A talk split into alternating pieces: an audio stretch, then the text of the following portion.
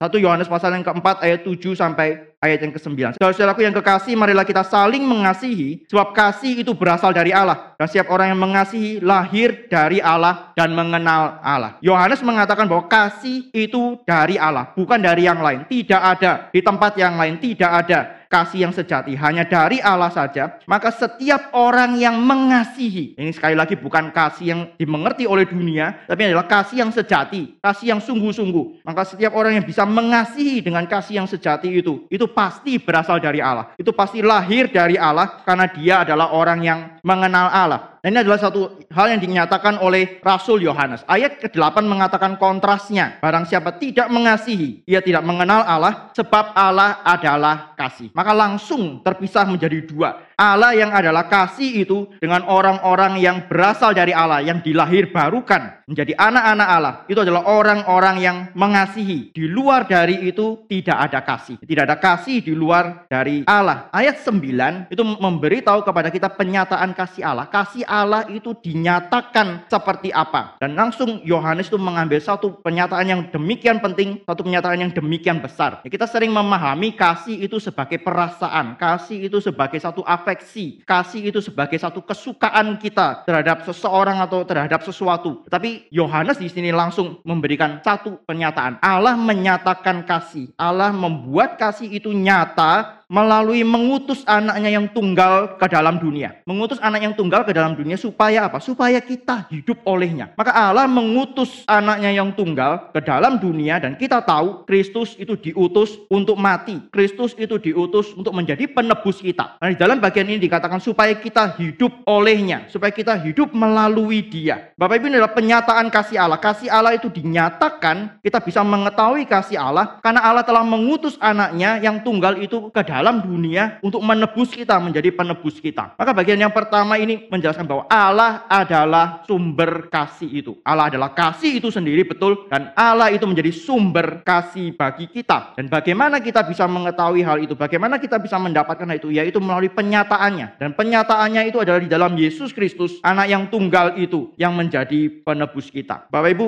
penyataan Allah adalah kasih. Allah itu kasih. Ini adalah satu pernyataan yang banyak disalah mengerti oleh orang dan banyak dimanipulasi. Saya nggak usah bicara lagi. Bapak Ibu tentu tahu ada begitu banyak ajaran yang menekankan berkenaan dengan hal ini. Allah itu kasih, Allah itu kasih. Tapi kemudian tidak menyatakan sifat-sifat Allah yang lain. Ya, pendeta David sudah pernah menyinggung berkenaan dengan simplicity of God. Bahwa Allah itu simple. Simple bukan sederhana. Tapi itu berbicara mengenai keutuhan, kesatuan. Allah itu tidak terbagi-bagi. Allah itu tidak terdiri dari elemen-elemen yang kemudian dijadikan satu tidak. Kita manusia terdiri dari banyak unsur, tapi Allah itu tidak demikian. Allah itu satu, Allah itu utuh. Maka Yohanes mengatakan bahwa Allah itu terang, tapi Yohanes juga mengatakan Allah itu kasih. Dalam bagian yang lain kita bisa mengetahui Allah itu benar, Allah itu kudus. Itu bukan gabungan antara benar, kasih, kudus dan seterusnya dijadikan satu maka itulah Allah tidak. Itu bicara bahwa keseluruhan Allah itu adalah kasih seluruhnya. Allah itu adalah benar seluruhnya. Allah itu adalah kudus seluruhnya. Allah itu adalah terang seluruhnya seluruhnya dan seterusnya. Ini bukan bicara gabungan, tetapi ini berbicara kesatuan. Allah itu adalah satu. Allah itu tidak terpisah. Ya apalagi kita mungkin sering memiliki konsep antara kasih Allah dan keadilan Allah itu dua hal yang kita pertentangkan. Berapa sering kita mendengar bahwa di salib, di atas kayu salib, ketika Kristus disalib, maka kasih dan keadilan Allah itu bertemu. Ya, kalau begitu sebelumnya terpisah. Di salib kasih dan keadilan Allah itu bertemu. Kasih dan keadilan Allah memang dinyatakan di salib, tetapi itu bukan baru ketemu di situ. Itu memang memang dari dulu. Ketika Allah mengasihi, kasih Allah itu adalah kasih yang adil. Kasih Allah itu adalah kasih yang benar. Kasih Allah itu adalah kasih yang kudus. Kita harus belajar mengerti hal ini. Sehingga konsep kita berkenaan dengan Allah, berkenaan dengan natur Allah itu tidak salah. Dan kemudian apalagi dimanipulasi. Banyak orang yang menekankan Allah itu kasih dan kemudian mengabaikan sifat-sifat Allah yang lain. Memberikan khotbah-khotbah yang enak untuk didengarkan, tetapi tidak mendidik jemaat, tidak mengajak jemaat untuk mengenal Allah yang yang dinyatakan di dalam kitab suci.